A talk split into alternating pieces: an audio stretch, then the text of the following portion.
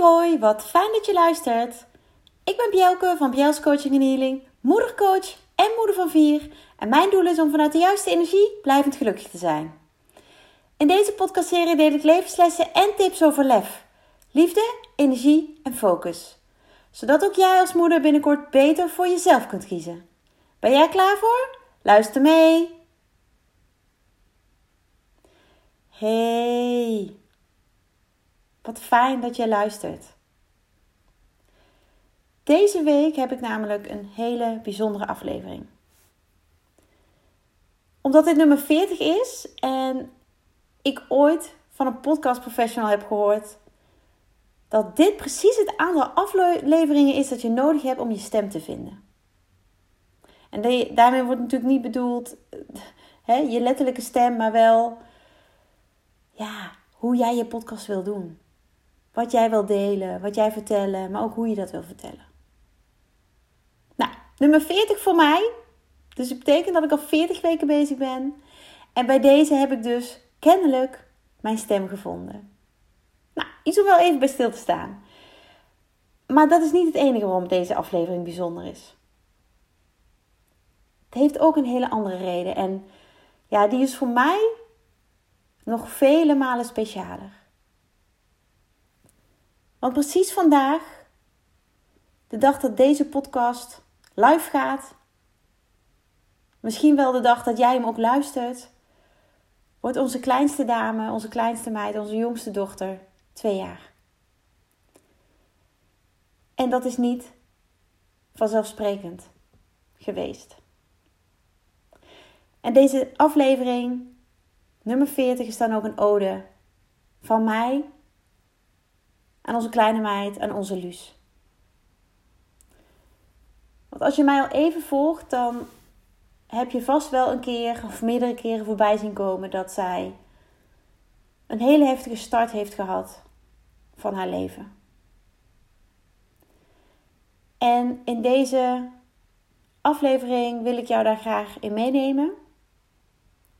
Maar ik ga ook met je delen wat het ons als gezin, wat het onze omgeving, maar zeker ook jou als luisteraar leert. Wat jij nou aan dat verhaal hebt, wat ik met jou ga delen.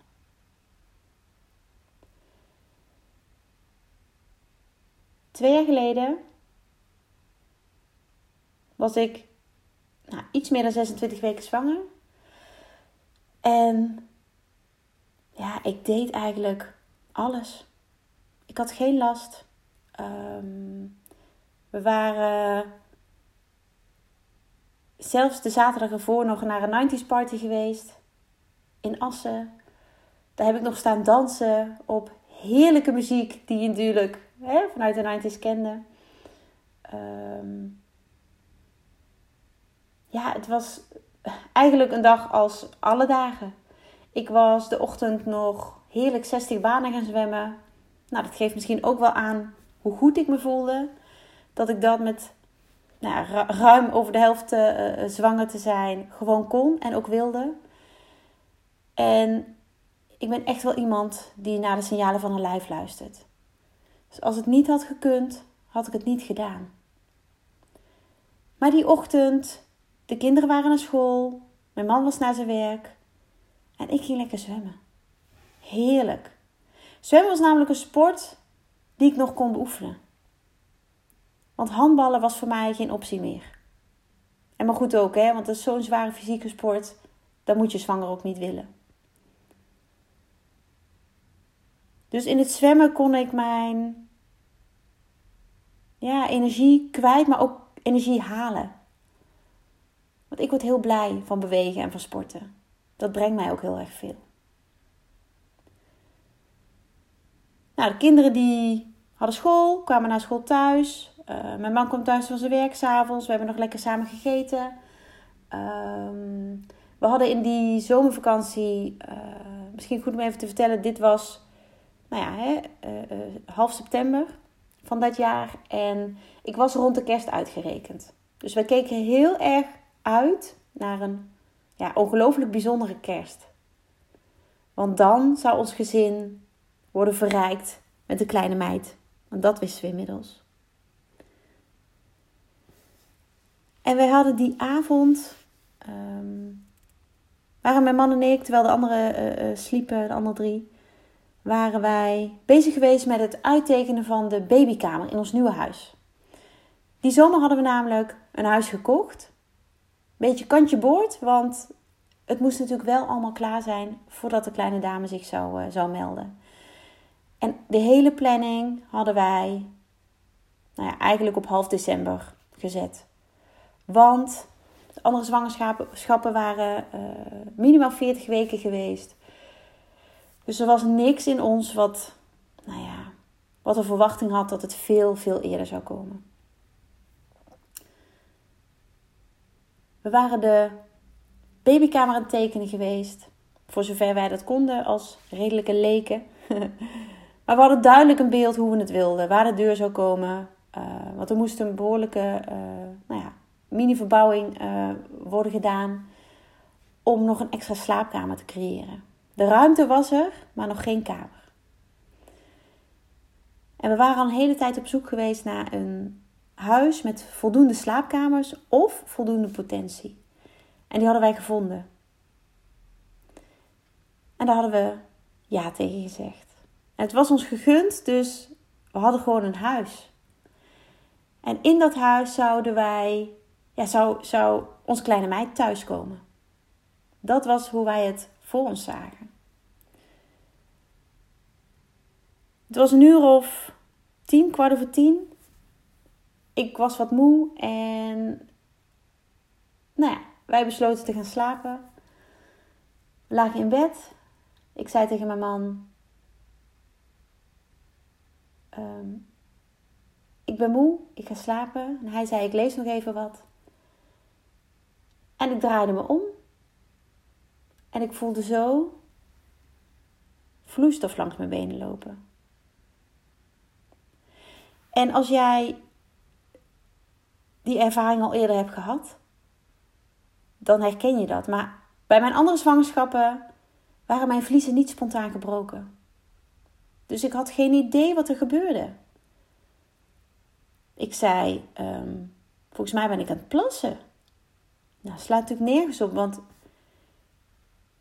ik had er geen controle over. Maar de enige link die ik logischerwijs kon leggen, was dat ik aan het plassen was. En dat was niet zo. Dus ik zei ook meteen tegen mijn man: Ik heb er geen controle over. En toen ik die woorden uitsprak, toen dacht ik: Oh, dit is niet goed. Dus ik ben snel de trap afgegaan. Wij sliepen op de, uh, op de zolder. Naar de badkamer, naar het toilet, daar gaan zitten en ik voelde het lopen. Niet druppelsgewijs, maar echt wel in kleine stroompjes. Nou ja, mijn man was uh, met mij in overleg. Wat moeten we doen? Nou, volgens mij was het de belangrijkste stap om nu de verloskundige te vragen, te bellen. Uh, en haar naar ons toe te laten komen. Zodat zij kon checken, of in ieder geval kon uitsluiten, dat het vruchtwater was. Of dat er iets aan de hand was. Dus mijn man, was aan het bellen. En ja, het was een soort uh, waas of zo. Het leek niet echt. Want ik hoorde helemaal geen vruchtwater te verliezen. Maar tegelijkertijd voelde ik het wel stromen. En dat was een hele nare, maar ook onwerkelijke ervaring. Nou, de verloskundige werd gebeld. Die stapte meteen in de auto, hoefde niet van heel ver te komen. Uh, maar ik bleef maar vruchtwater verliezen. Het stopte ook gewoon niet. Gelukkig had ik geen buikpijn, voelde ik de baby nog meer dan genoeg bewegen. Dat deed ze namelijk heel vaak s'avonds. Dat, dat, nou, dat uh, uh, is een bekend iets. Dat als de moeder tot rust komt, gaat de baby in de buik bewegen. Nou, dat was bij ons ook zo. En ik voelde haar luid en duidelijk. Maar ik verloor nog steeds vruchtwater. En dat was natuurlijk wat niet hoorde. Tenminste, niet nu al. Nou, toen heeft mijn man ook um, de oppas gebeld. Want de kans was natuurlijk groot dat wij voor een check naar het ziekenhuis moesten. Dus die is gebeld. Nou, die, was, die stapte net in bed.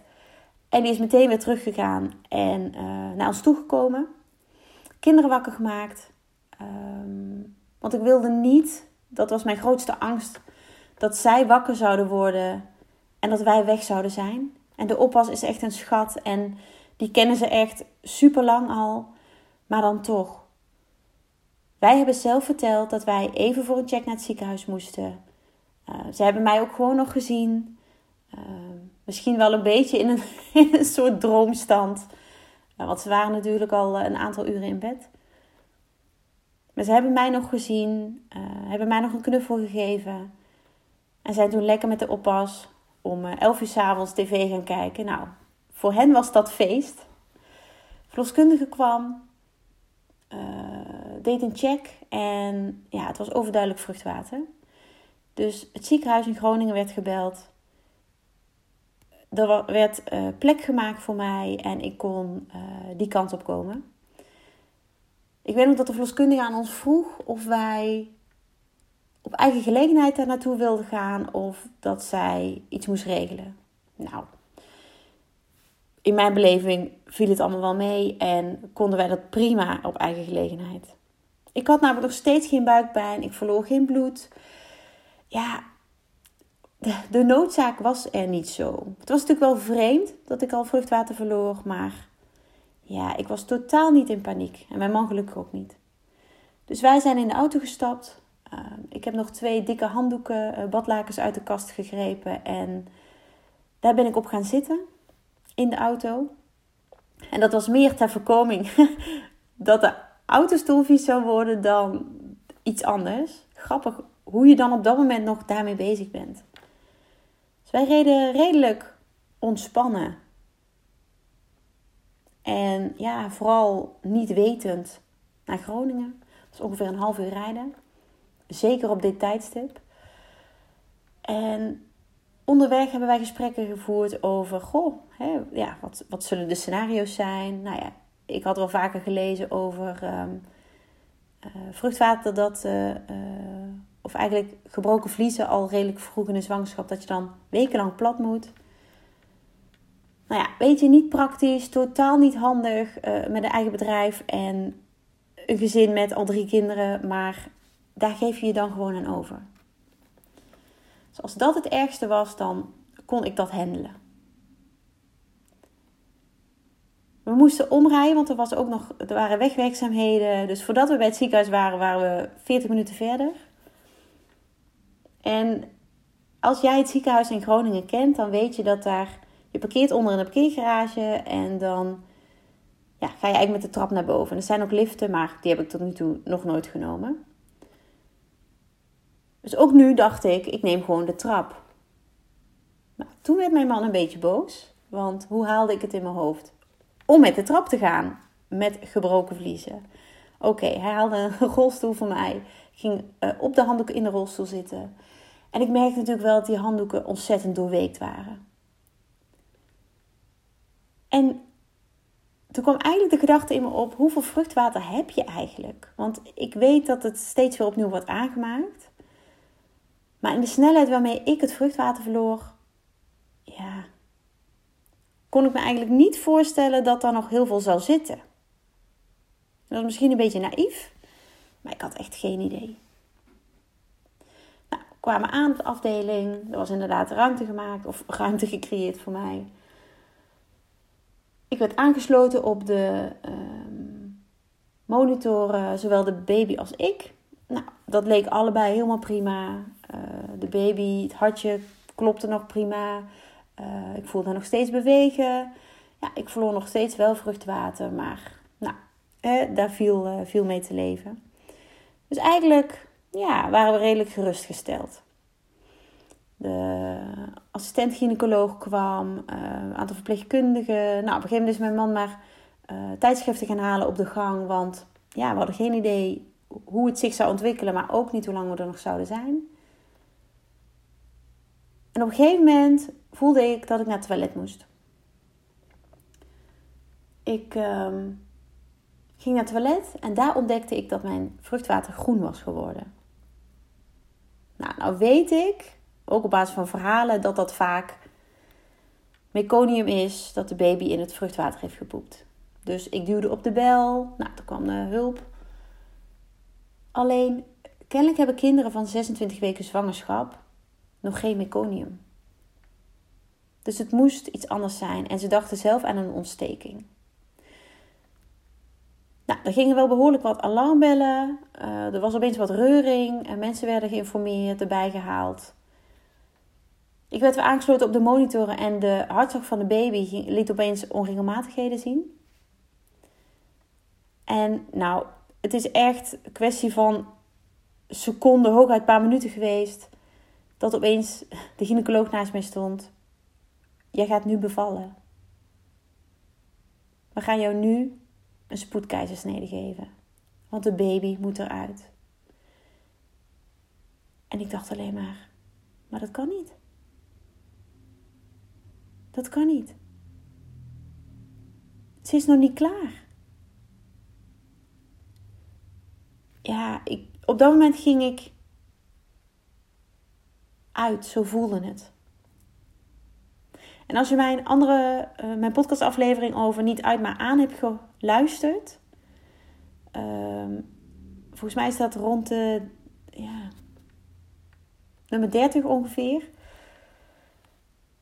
dan weet je wat ik daarmee bedoel. Ik gaf me over. Ik had geen keus. Ik gaf me over. Ik liet het gebeuren. Um, ik werd in mijn bed naar, de OK gereden. Hoe lang het allemaal heeft geduurd, ik heb werkelijk geen idee. Het is als een soort uh, ja, slechte film heb ik dat uh, beleefd. Ik was er wel, maar ook weer niet. Ik kreeg een uh, ruggenprik. Had ik ook niet eerder gekregen.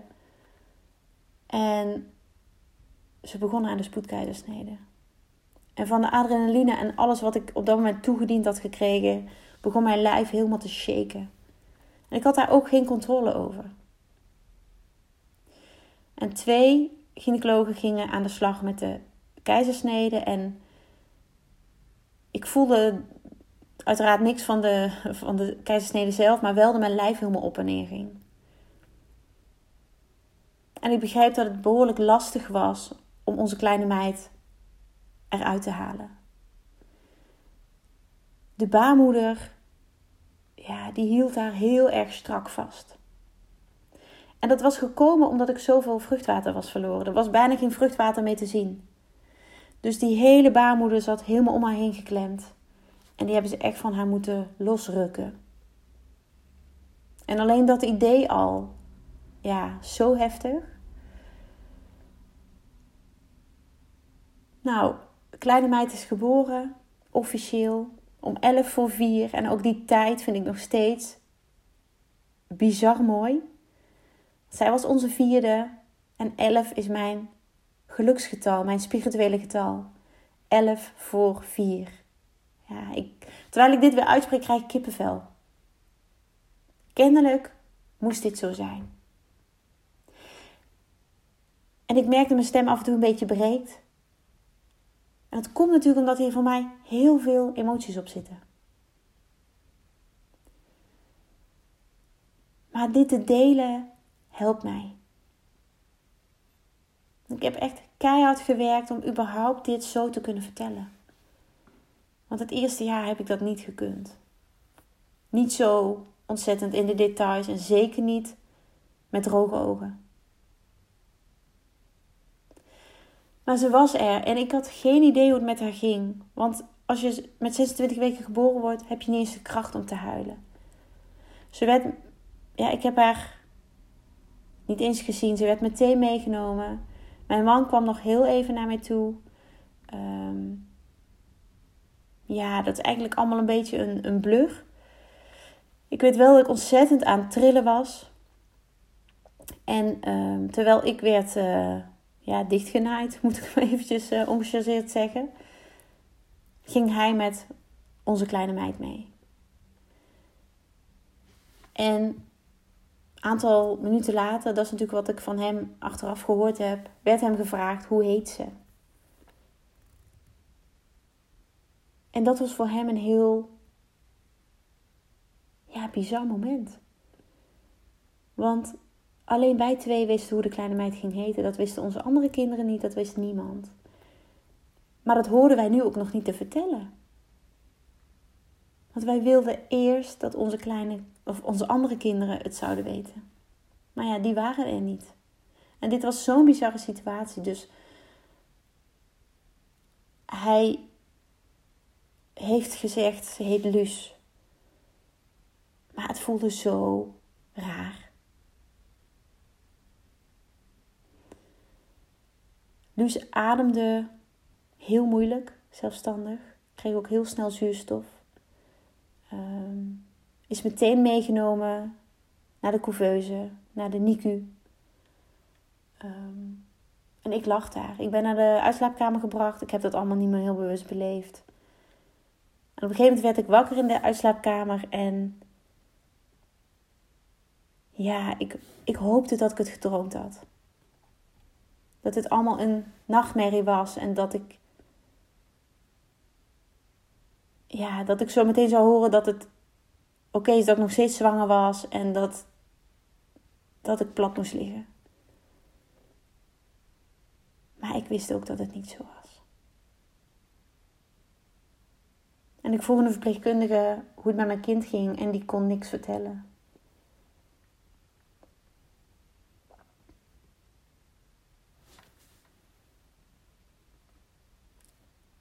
En dat voelde heel eenzaam.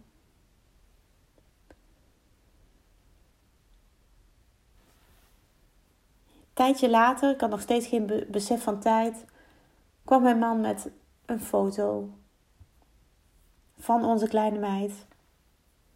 Haar eerste foto. En ik zag haar en ja, er ging zoveel door me heen.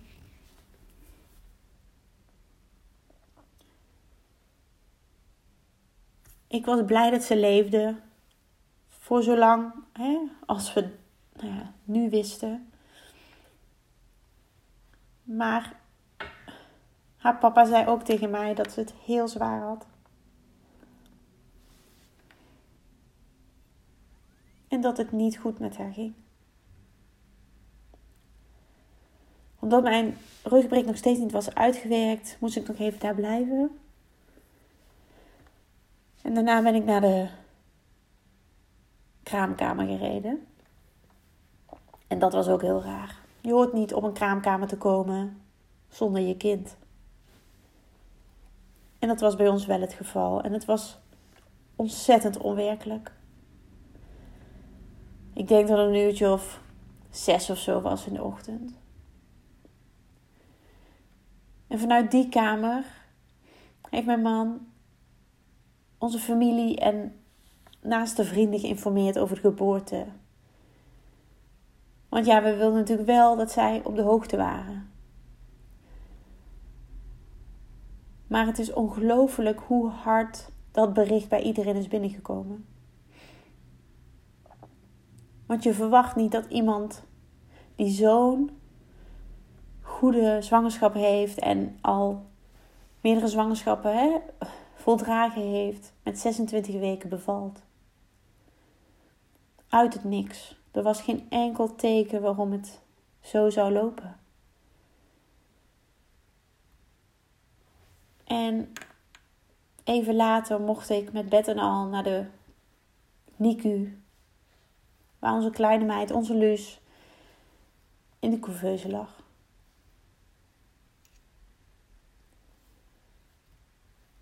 En die eerste kennismaking was heel heftig. Ze was heel klein, ze was nog geen 30 centimeter, woog 860 gram en was bijna doorzichtig. Ze verdween bijna in die couveuse. En ze zat helemaal onder de slangetjes, draadjes. Ze had een tube waardoor ze zuurstof kreeg, omdat ze niet zelfstandig kon ademen. Ja, het was. Het was een heel, heel verdrietig beeld. Maar ook was ik trots. Want ze leefde. En we hadden een dochter gekregen. Luus was er. Maar we hadden ook niet lang daarna een gesprek met de artsen die zich ontzettend veel zorgen maakten om Luus. Want haar start was heel slecht. En ze zag er heel vervormd uit. En ze dachten aan een syndroom. En we moesten allerlei onderzoeken doen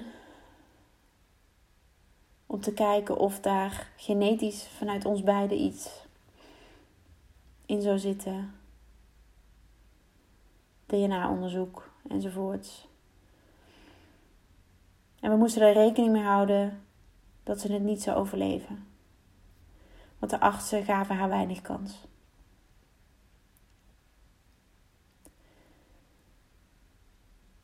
En de volgende ochtend,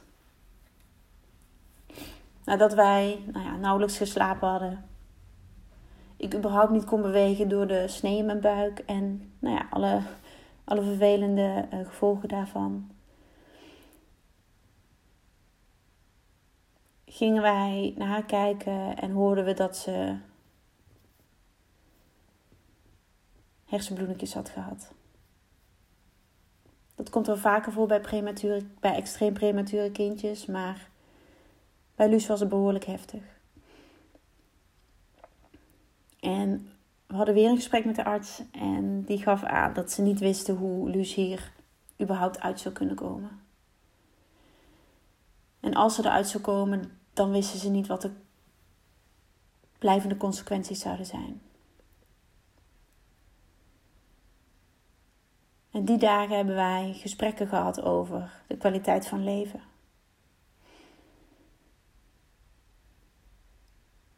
Iets waar je als ouders niet bij stil wil staan.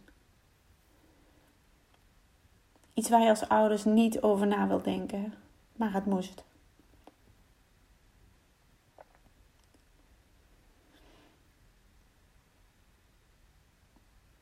En Bart en ik, mijn man en ik, stonden daar volledig hetzelfde in.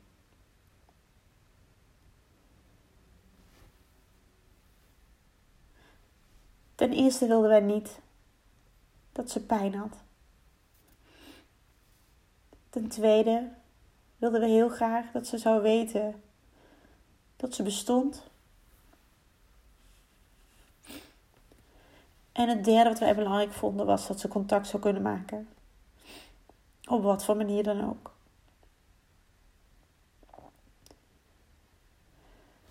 En dat was voor de artsen heel duidelijk.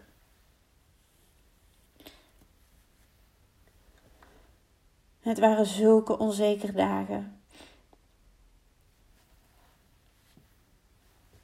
Er was zoveel verdriet. Maar die dag dat Luus die hersenbloedingjes had gehad, heb ik gevraagd het universum, want daar geloof ik heel erg in, om een teken. En Bart opende de gordijnen nadat ik had geslapen. Of in ieder geval een poging had gedaan. En er was een prachtige regenboog te zien.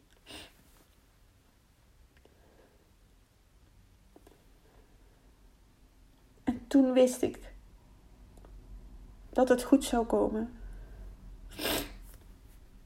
Excuus.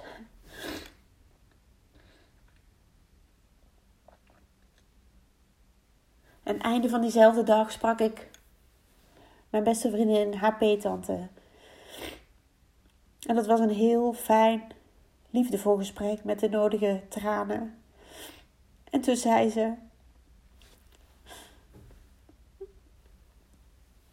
Ik heb vanmiddag zo'n mooie regenboog gezien. Volgens mij gaat het helemaal goed komen met Luus. En toen zei dat zij toen wist ik het duizend procent zeker. Luus zou zich hier doorheen vechten, knokken. En hoeveel tegenslagen zij ook heeft gehad. Hoe ongelooflijk moeilijk het haar ook is gemaakt. Dat heeft ze gedaan. Ze heeft alles en iedereen verbaasd. Versteld doen staan. Maar ook ongelooflijk hard bewezen dat ze er wilde zijn, dat ze wilde leven.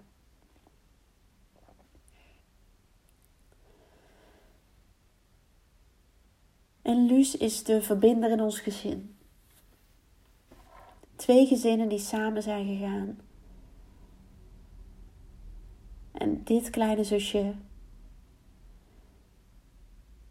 verbindt ons aan elkaar. En mijn moeder zei op een gegeven moment: Luus, dat betekent licht. Het komt van lux. Dat is in het Latijn betekent dat licht. Oh, en dat vond ik zo ongelooflijk mooi. Daar had ik helemaal niet bij stilgestaan. Dat is ook zo'n bijzondere betekenis voor dit bijzondere meisje.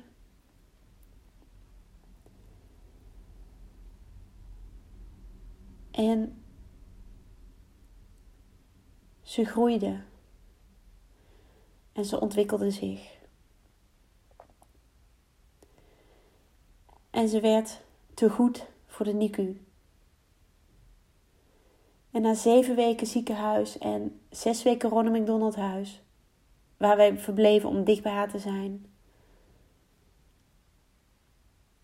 mocht ze naar het Martini ziekenhuis.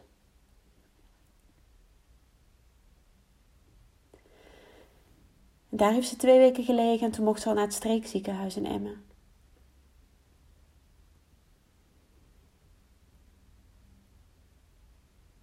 En in totaal na 15 weken mocht ze op 13 december 2019 naar huis. Zonder zondevoeding en zonder zuurstof. Want dat had Luus niet nodig. Ze had zo hard gewerkt om zelfstandig te ademen en zelfstandig te kunnen drinken. Ja, wonderlijk. En wij hebben toen die jaarwisseling sowieso slapend gevierd. maar ook met onze kleine meid in huis mogen beleven.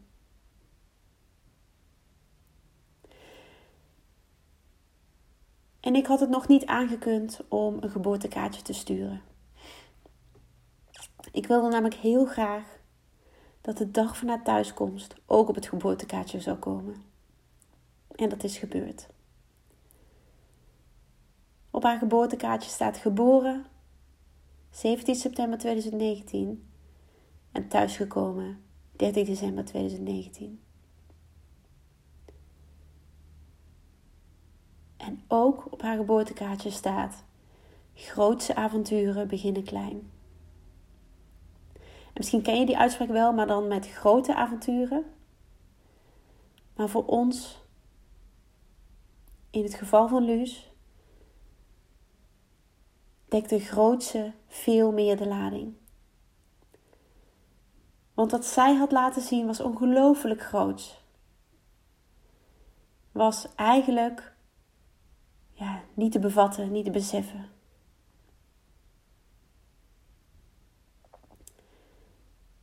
En sindsdien heeft zij die lijn, die weg van stappen zetten, positiviteit en zich ontwikkelen voortgezet. Met het gevolg dat ze vandaag twee jaar wordt. Ja, en ik dankbaarder ben dan ooit. En wat laat ze ons veel zien? Wat leert ze ons een hoop? Niet alleen ons als ouders of haar broers en zus, maar ook alle mensen waarmee ze in contact komt. Ik hoor mezelf nog zeggen: we willen dat ze contact kan maken. ze roept hi naar iedereen die ze tegenkomt. Ze wil graag contact maken. En Luus is vrijwel altijd vrolijk en blij. En leeft haar leven zo ontzettend luchtig en zo tevreden. Daar kunnen wij allemaal iets van leren.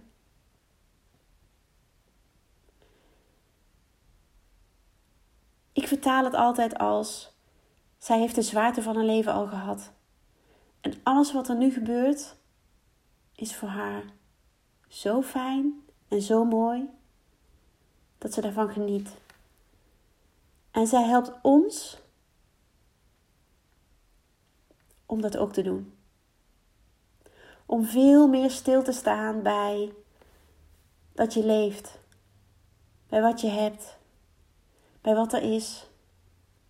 In plaats van altijd maar te kijken naar wat ik wil, wat ik nodig heb. En daarin is zij zo'n gigantisch groot voorbeeld. Ook al was ze maar 860 gram bij haar geboorte, nog niet eens eens een pak suiker. Maar dat kleine meisje had een heel groot doel. En dat was overleven. En hoe? En wij weten niet wat de toekomst brengt. Wij weten niet hoe de hersenbloedingjes haar, bijvoorbeeld haar concentratie hebben, hebben beschadigd. Maar ook niet hoe zij zich verder zal gaan ontwikkelen. Maar wat zijn wij ongelooflijk trots op elke stap die zij zet. En op alles wat zij ons elke dag weer laat zien en leert. En daar ben ik echt mijn hele leven intens dankbaar voor.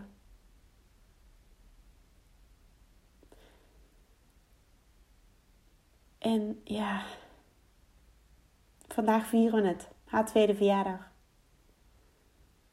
En dat is echt een groot wonder. Dank je wel voor het luisteren. Ik vond het heel fijn om dit toch een emotionele verhaal met jou te mogen delen. Dank je wel. Dank je wel voor het luisteren. Dagelijks inspireer ik honderden moeders om het lef te leven. Dit doe ik niet alleen via deze podcast. Je kunt je ook gratis aanmelden voor de Club van Moeders met Lef. Hierin deel ik praktische tips, geef ik inspirerende workshops en wekelijkse live sessies en coaching. Zodat jij meer balans ervaart, meer rust in je hoofd krijgt, vaker me-time neemt. En dit alles zonder schuldgevoel. De club is een superleuke groep met gelijkgestemde moeders waarin ik wekelijks live ga. Hierbij deel ik tips, meditaties en kaarttrekkingen. En als lid van de club krijg je ook nog korting op mijn live events. Dat gun ik iedere moeder, dus jou ook. Join de club en ontdek hoe jij, net als andere moeders, met meer lef kunt leven, zodat je meer kunt gaan genieten. Ga naar bjels.nl slash club en meld je aan. Ik heet je graag van harte welkom. Nogmaals dankjewel voor het luisteren en heel graag tot de volgende keer.